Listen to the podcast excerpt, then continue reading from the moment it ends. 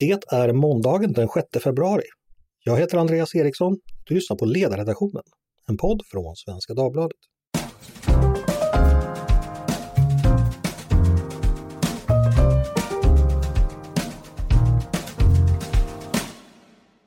Varmt välkomna! Regeringen vill utreda en kriminalisering av förolämpning av tjänstemän. Det berättar han på en presskonferens i fredags. Bakgrunden är att det är en del av det arbete mot det som kallas LVU-kampanjen, det vill säga den desinformationskampanj som pågår mot svenska myndigheter, där man helt enkelt påstår att man i Sverige kidnappar eh, muslimska barn när dessa omhändertas av sociala myndigheter. Eh, det här förslaget på att man ska göra det straffbart att förolämpa tjänstemän, det har också förekommit tidigare i debatten. Då har det oftast handlat om eh, polisen. I Sverige fanns ju fram till 1975 ett brott som hette missfirmelse av tjänsteman, eh, men det försvann då och eh, sedan dess så har det inte varit förbjudet. Eh, en av dem som har föreslagit att brottet ska återinföras, det är eh, Fredrik Kärrholm, riksdagsledamot för Moderaterna och också tidigare medarbetare här på Svenska Dagbladets ledarsida. Varmt välkommen hit Fredrik! Tack så mycket! Och det ska väl sägas att jag skriver fortfarande med lite ojämna mellanrum texter på den eminenta ledarsidan. Det gör du också.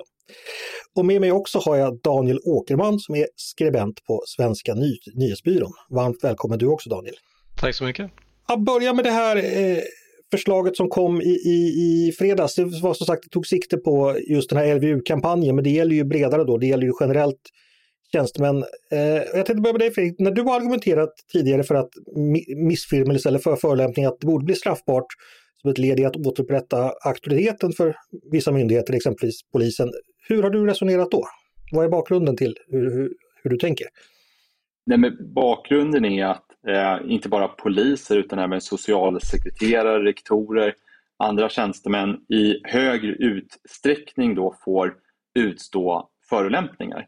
Och det stora problemet är inte förolämpningen i sig, att den enskilda tjänstemannen blir kränkt, Eh, utan det stora problemet är att vi har en situation där personer med eh, stort våldskapital eller stort skrämselkapital utmanar statens legitimitet, det offentligas legitimitet.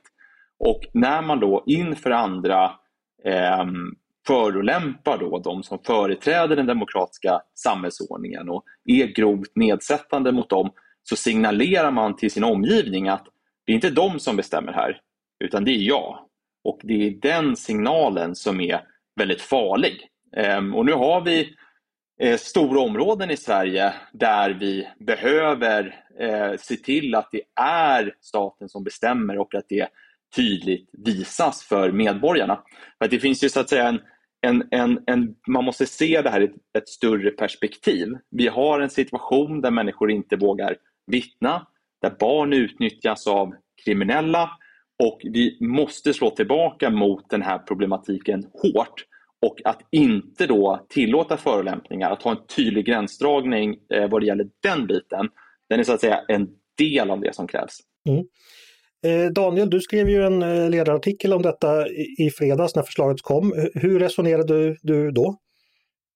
Jag resonerar likartat som Fredrik men försökte lyfta det till ett lite bredare perspektiv. För det här är ju långt ifrån första gången vi stöter på liknande problem i Sverige de här senaste åren. Att system vi har byggt eh, som utgår ifrån en grundläggande tillit medborgare emellan och tillit med, eh, medborgare och staten emellan, liksom respekt för statens företrädare, eh, har utmanats av eh, framväxten av parallellsamhällen, segregation och att man helt enkelt inte identifierar sig med majoritetssamhället. Vi har tidigare sett det i i frågor som med eh, offentliga bidrag, till exempel eh, folkbildningen, där det har helt avsaknats kontroller för man har från det offentliga sidan tänkt att ja, folk är ärliga. Det här är ju olika föreningar som har bra initiativ och försöker göra något gott. De kommer säkert inte ljuga och det är någon som skriver något papper fel lite här och där gör inte det så mycket, men som nu systematiskt utnyttjas. Och på samma sätt har det fungerat inom socialtjänsten där det Eh, är väldigt ovanligt och väldigt svårt att få använda tvingande åtgärder mot medborgare överlag och särskilt mot barn. Eh, där, utan det istället bygger på hög grad av frivillighet och respekt och dialog mellan eh, den enskilde socialsekreteraren eller anställde och medborgarna som behöver hjälp eller samhällets skydd. Mm. Hej, jag Ryan Reynolds. Recently, I asked Mint Mobiles legal team if big wireless companies are allowed to raise prices due to inflation. They said yes. And then when I asked if raising prices technically violates those onerous two-year contracts, they said, what the f*** are you talking about, you insane Hollywood ass?" So to recap, we're cutting the price of Mint Unlimited from $30 a month to just $15 a month. Give it a try at mintmobile.com slash switch. $45 up front for three months plus taxes and fees. Promoting for new customers for limited time. Unlimited more than 40 gigabytes per month. Slows. Full terms at mintmobile.com. Fredrik, du har ju också jobbat som polis. Eh, det skulle jag ha tagit upp presentationen, men det nämner jag nu. Eh, skulle du kunna berätta lite från din yrkesbakgrund där? Eh, när det gäller förolämpningar och, och, kränkningar som man kan utsättas för, hur, hur, hur, hur, kan det se ut? Kan du ge oss lite inblick i det? Jag tror att de flesta så att säga, har sett en del av de här filmklippen som emellanåt cirkulerar i sociala medier när poliser eh, blir förolämpade. Eh, ibland så är det eh, så att säga rent ut så att det, man blir kallad för jävla snuthora, eh, fitta, gris, svin Eh, Eh, eller så kan det vara så att säga av en något mer eh, subtil karaktär. Eh, och återigen då, det stora problemet här är inte då att jag i egenskap, egenskap av polis eller människa blir, blir kränkt, även om det också är ett problem, utan det stora problemet är ju så att säga att man måste se det här i en kontext då där hela eh, polismakten, ordningsmakten och så att säga, den demokratiska samhällsordningen är utmanad. Ehm, men, men med det här sagt då, så, så även när då det här gamla brottet missfirmelse av tjänsteman försvann eh, 1976 så, så, är det ju fortfarande så att det finns ett brott, förolämpning. Eh, och mycket av det som poliser och det jag själv har, har kallats har ju varit och är eh, straffbart. Det vill säga att det finns, det finns gott om domar där poliser har kallats för jävla hora eller fitta och där de här personerna då har dömts, eh, dömts för förolämpning. Men de här straffen är för klena och det är också allt för ofta så att det inte blir ett, ett åtal. Eh, till exempel har Högsta domstolen ansett att det var tillåtet att kalla poliser för grisar och svin i en ingripande situation och då ansågs det då vara ett uttryck för, för egen ilska. Eh, så att jag, jag anser att det finns ett tydligt behov av en mer skarp gränsdragning här. Mm. Ska jag bara kort nämna då att eh, de lagrum vi pratar om, eh, som, som Fredrik nämner nu, det, det är ju då i brottsbalkens femte kapitel, eh, då finns det i tredje paragrafen någonting som heter då förolämpning. Eh, och då är det så att i vanliga fall så får det här inte åtalas av någon annan än målsägaren, det vill säga att man får helt enkelt själv gå och, och, och stämma den personen som, som, som har förolämpat den. Men det gäller då inte ifall någon har förolämpats eh, mot någon i hans eller hennes myndighetsutövning. Eh, och det, då får en åklagare då eh, också väcka åtal. Och det är väl de här domarna som du tänker på då Fredrik, att en polis som agerar då i, i, i myndighetsutövning har ett lite högre skydd så att säga för, eller har ett annat sorts skydd kan man väl säga än, än gemene man. Har jag förstått det rätt då, den juridiska materien? Nej, men det, det, den stora skillnaden är ju så att säga att eh, det, det åtal är då påkallat från, från allmän eh, synpunkt. Ja, Man har ansett att, att poliser Eh, och andra offentliga tjänstemän är mer eh, skyddsvärda. Så att, så att den här grundläggande tanken som finns med att skärpa den här lagstiftningen, den, den tanken är ju inte eh, ny. Utan det som snarare uppstått i en samhällsförändring. Och där, här finns det då en intresseavvägning där ett intresse är att stå emot de här krafterna som faktiskt utmanar vår demokratiska och civiliserade samhällsordning. Och det här, den här intresseavvägningen återkommer ju i flera förslag som nu är aktuella. Eh, det handlar om visitationszoner, det handlar om anonyma vittnen med mera. Eh, att, så att säga, det, det, finns ett sådant starkt intresse av att eh, eh, hantera ett nytt problem.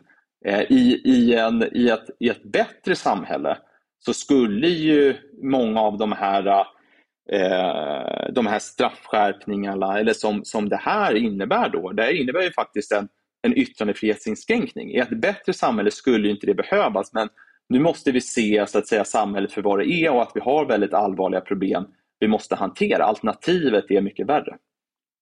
Mm. Släppa in Daniel här för att eh, precis som Fredrik säger så är ju det här eh, en avvägning där man får väga olika intressen mot varandra.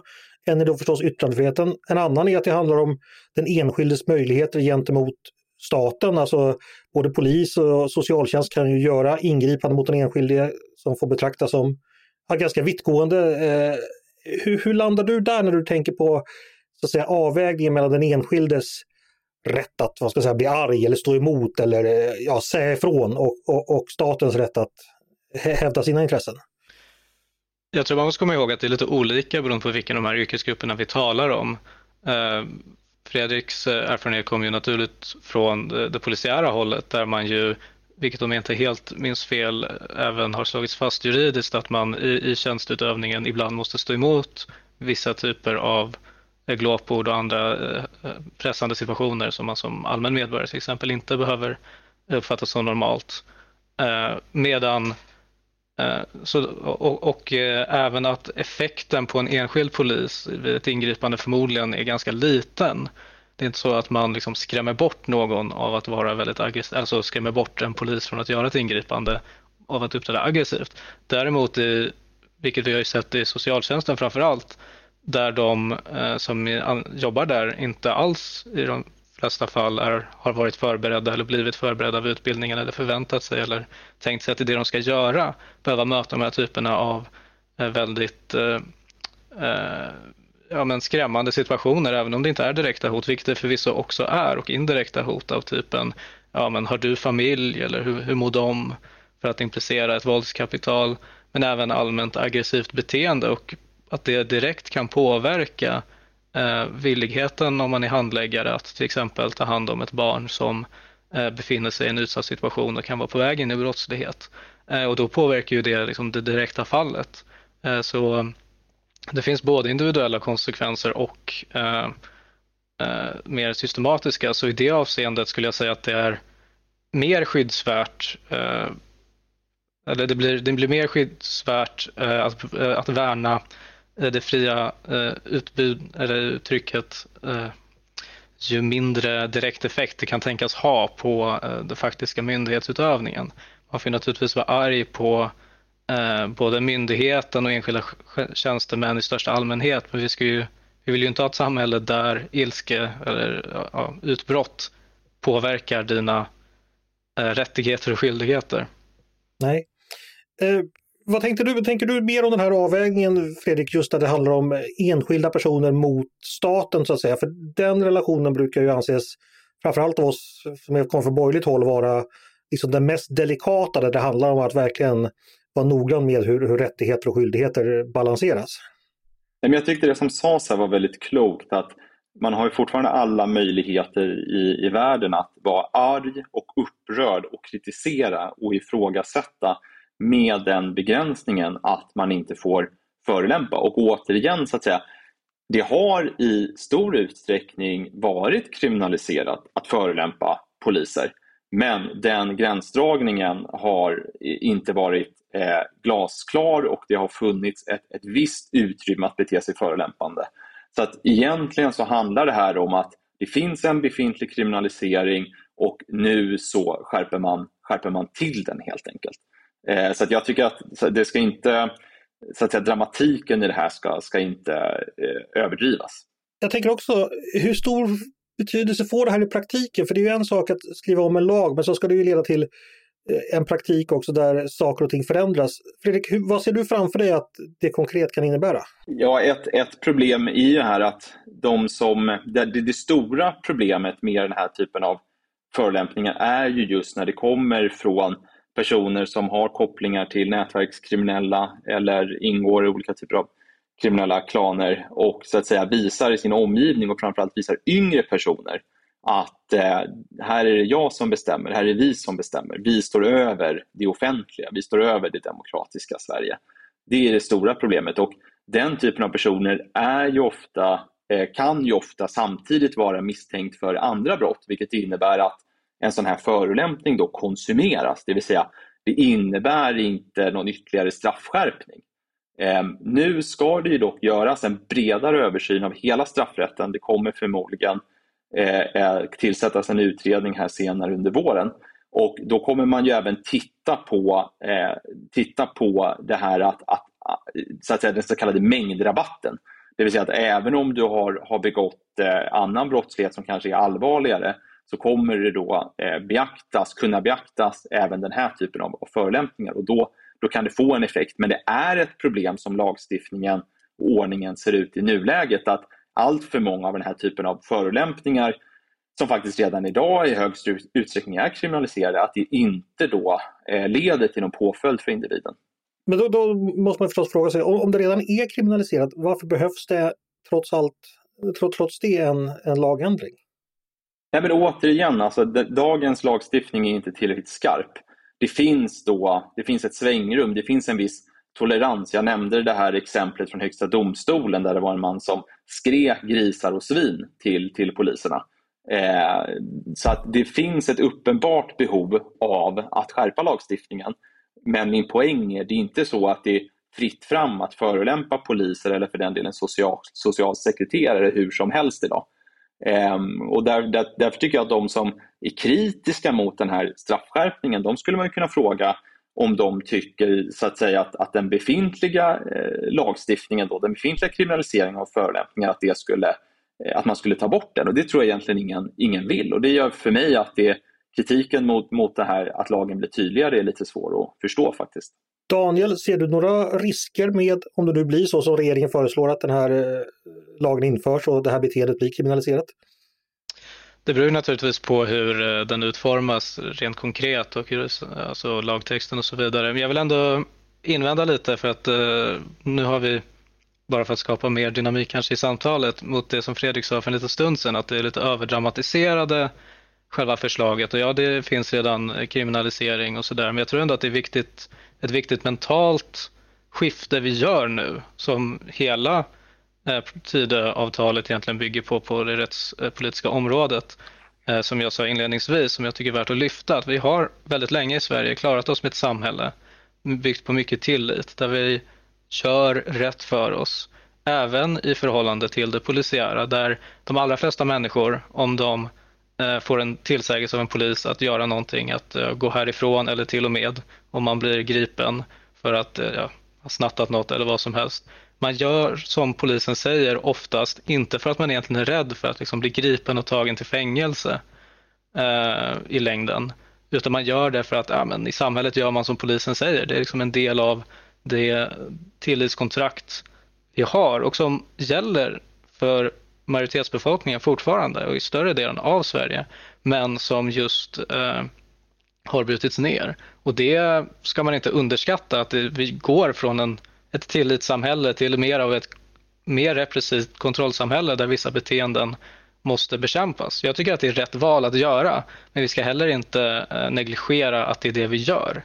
Eh, och naturligtvis finns det risker med det och det innebär ju att vi, ja, det är egentligen en ganska mörk insikt att vi helt enkelt tvingas ta till mer repressivitet. Man kan tycka det var rätt, men det är ändå så en, en negativ samhällsutveckling som har tvingat fram det. Förstår jag dig rätt då, Daniel?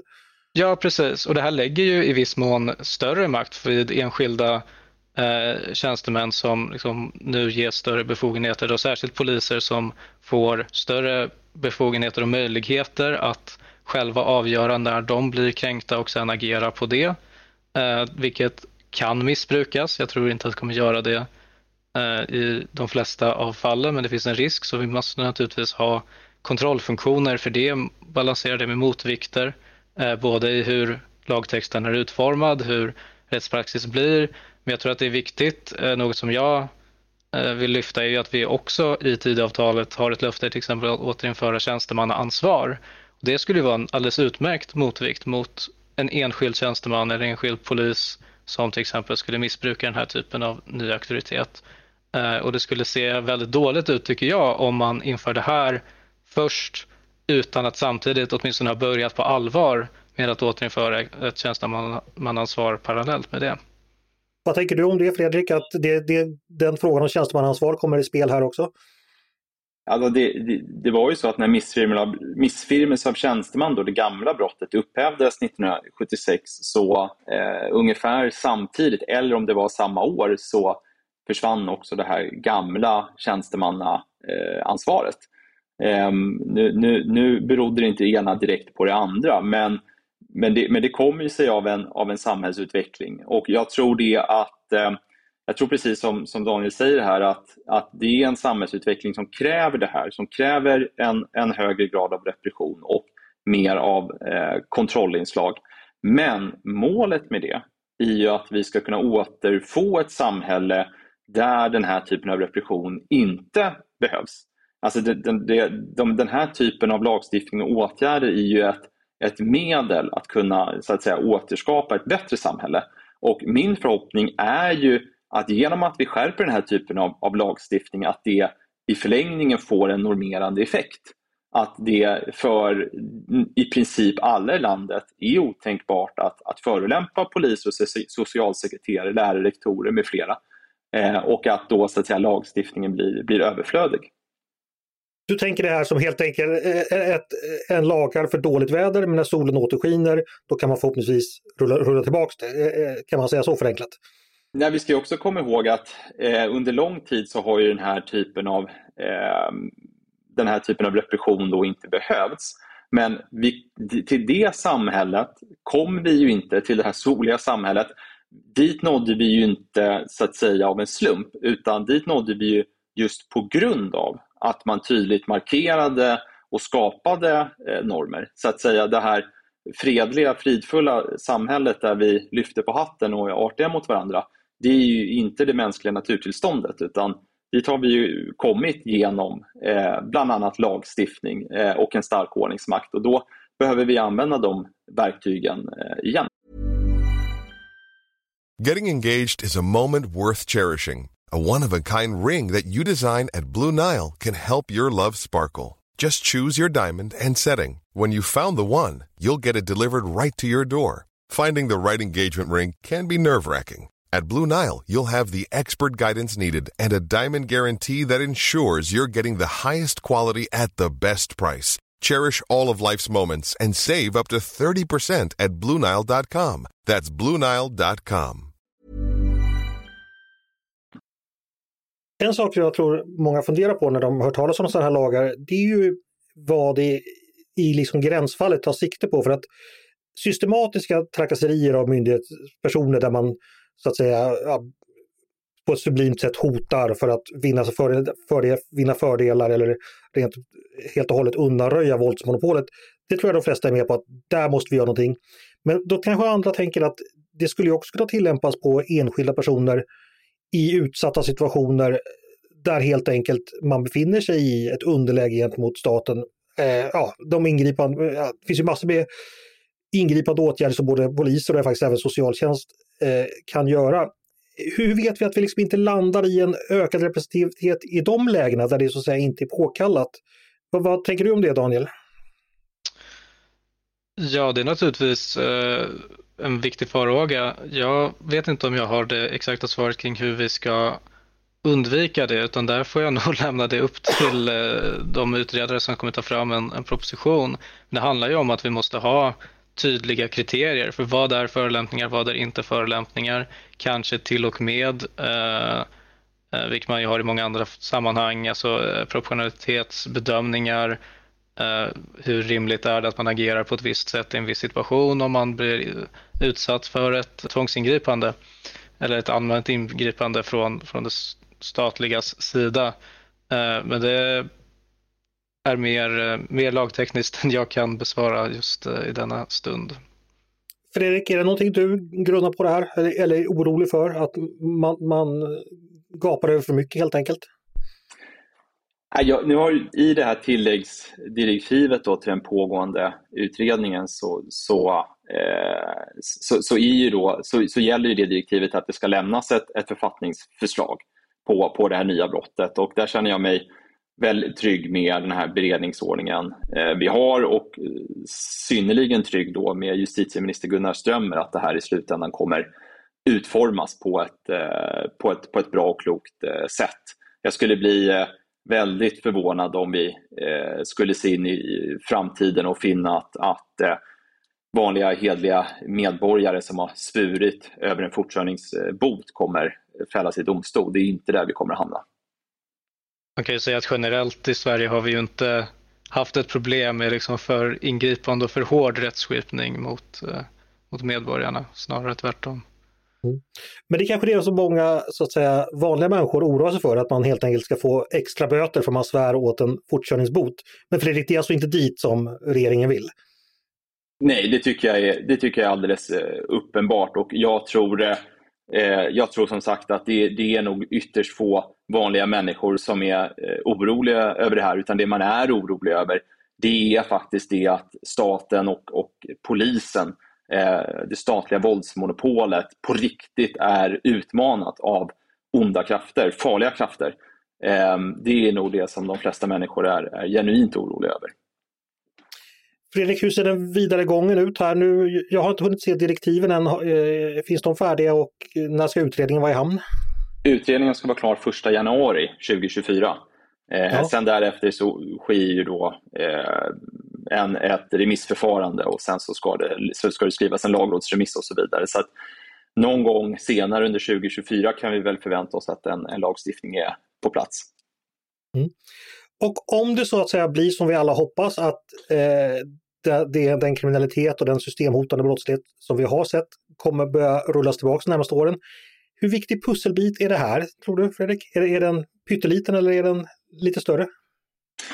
Jag skulle inte säga att det är en av de större pusselbitarna, men det är inte, det, det här har betydelse. Det har betydelse att nätverkskriminella eh, eh, står och beter sig oförskämt och hånande mot, mot polisen inför de här yngre personerna som så många i samhället arbetar så hårt för att de inte ska så att säga eh, dras in i en kriminell livsstil eller rekryteras till de här kriminella eh, nätverken. Eh, ord, ord spelar roll och eh, den här typen av uppträdande i offentliga, offentliga miljöer har, har betydelse. Eh, men, men, men, men det, det, är inte den största pusselbiten, nej. Men jag tänker, jag ska bara ta upp det, för, för vad du ser framför dig, det är inte så att det största problemet är inte att en polis blir kränkt eller ledsen, det är inte heller att en polis i den aktuella situationen påverkas av, av rädslan, utan det är helt enkelt det normerande att ett uppväxande släkte ser en, vad de betraktar som en vuxenvärld beter sig mot samhället, mot polisen på ett sätt som helt enkelt underminerar förtroendet för den och underminerar alltså säga, auktoriteten som bör gälla i ett samhälle. Ja, alltså, grovt nedsättande kommentarer är ett problem i sig. Det skapar ordningsstörningar, det försvårar för den enskilda tjänstemannen att göra sitt jobb. Men det är ett ännu större problem då att det förekommer att personer eh, uttrycker sig nedsättande, beter sig nedsättande och därigenom stärker sin position i den kriminella miljön. Eh, det, det är ett mycket allvarligt problem. Avslutningsvis Daniel, vad tror du om den här frågan? Kommer det bli någon politisk strid kring den eller kommer den, kommer den rulla på? Ja, det är svårt att säga. Alltså det kommer ju rulla på i det avseendet att jag tror att eh, regeringen med stöd av sin riksdagsmajoritet kommer få igenom förslaget. Däremot är det svårt att avgöra eh, Eh, hur oppositionen kommer agera eh, såvida de inte har uttalat sig ännu, vilket jag har missat i så fall. Eh, Socialdemokraterna har ju velat stärka sig på rättsområdet, så i det avseendet skulle det nog vara lämpligt att stödja regeringens linje. Å andra sidan, om man vill profilera sig så brukar man alltid vilja kritisera regeringen och det är ju en tacksam position, särskilt gentemot det här narrativet om att Sverigedemokraterna tar över och alltihopa som de gärna mm. ägnar sig åt, uh, att försöka skrämmas med den här typen av förslag. Men jag tror att man ska komma ihåg, om jag byter position halvvägs mot slutet, att det är ju Eh, även om jag försökte tona ner det tidigare, alltså det är ju, Sverige är ju ett extremexempel på hur lite repressiv makt vi använder jämfört med, om man ska ta ett annat exempel, till exempel USA, där eh, poliser nästan alltid är beredda på att hamna i fysiskt våld när de gör ingripanden, där de eh, ofta drar vapen väldigt glatt, inte bara för att det är dålig träning i många delstater och områden utan också för att de ständigt möter en reell risk för eh, att själva bli beskjutna. Så eh, jag tror att vi rör oss mer mot ett normalläge internationellt sett, eh, även om vi ska liksom respektera att det, vi också gör en viktig förändring. Mm. Vi får se hur det går med den saken och vad oppositionen säger och vad regeringen gör. Eh, jag kan också rekommendera alla ni som har lyssnat på det här avsnittet att lyssna på vår podd från i fredags då vi i redaktionen internt diskuterade detta förslag. Då fick Peter Wennblad, Mattias Svensson och Mia Ludvigsson prata om detta och de var inte helt eniga kan jag säga. Så lyssna gärna på fredagens podd också. Med det är det dags att tacka Fredrik Kärrholm, riksdagsledamot för Moderaterna och Daniel Åkerman från Svenska nyhetsbyrån för att ni kom och pratade med mig idag. Stort tack båda två! Tack så mycket. Tack så mycket. Och tack till er som har lyssnat också på Ledarredaktionen, en podd från Svenska Dagbladet. Ni är varmt välkomna att höra av oss till oss på redaktionen med tankar och synpunkter på det vi precis har diskuterat eller om ni har idéer och förslag på det vi ska ta upp i framtiden. Maila då bara ledarsidan snabel svd.se. Dagens producent, han heter Jesper Sandström. Själv heter jag Andreas Eriksson och jag hoppas att vi hörs igen snart.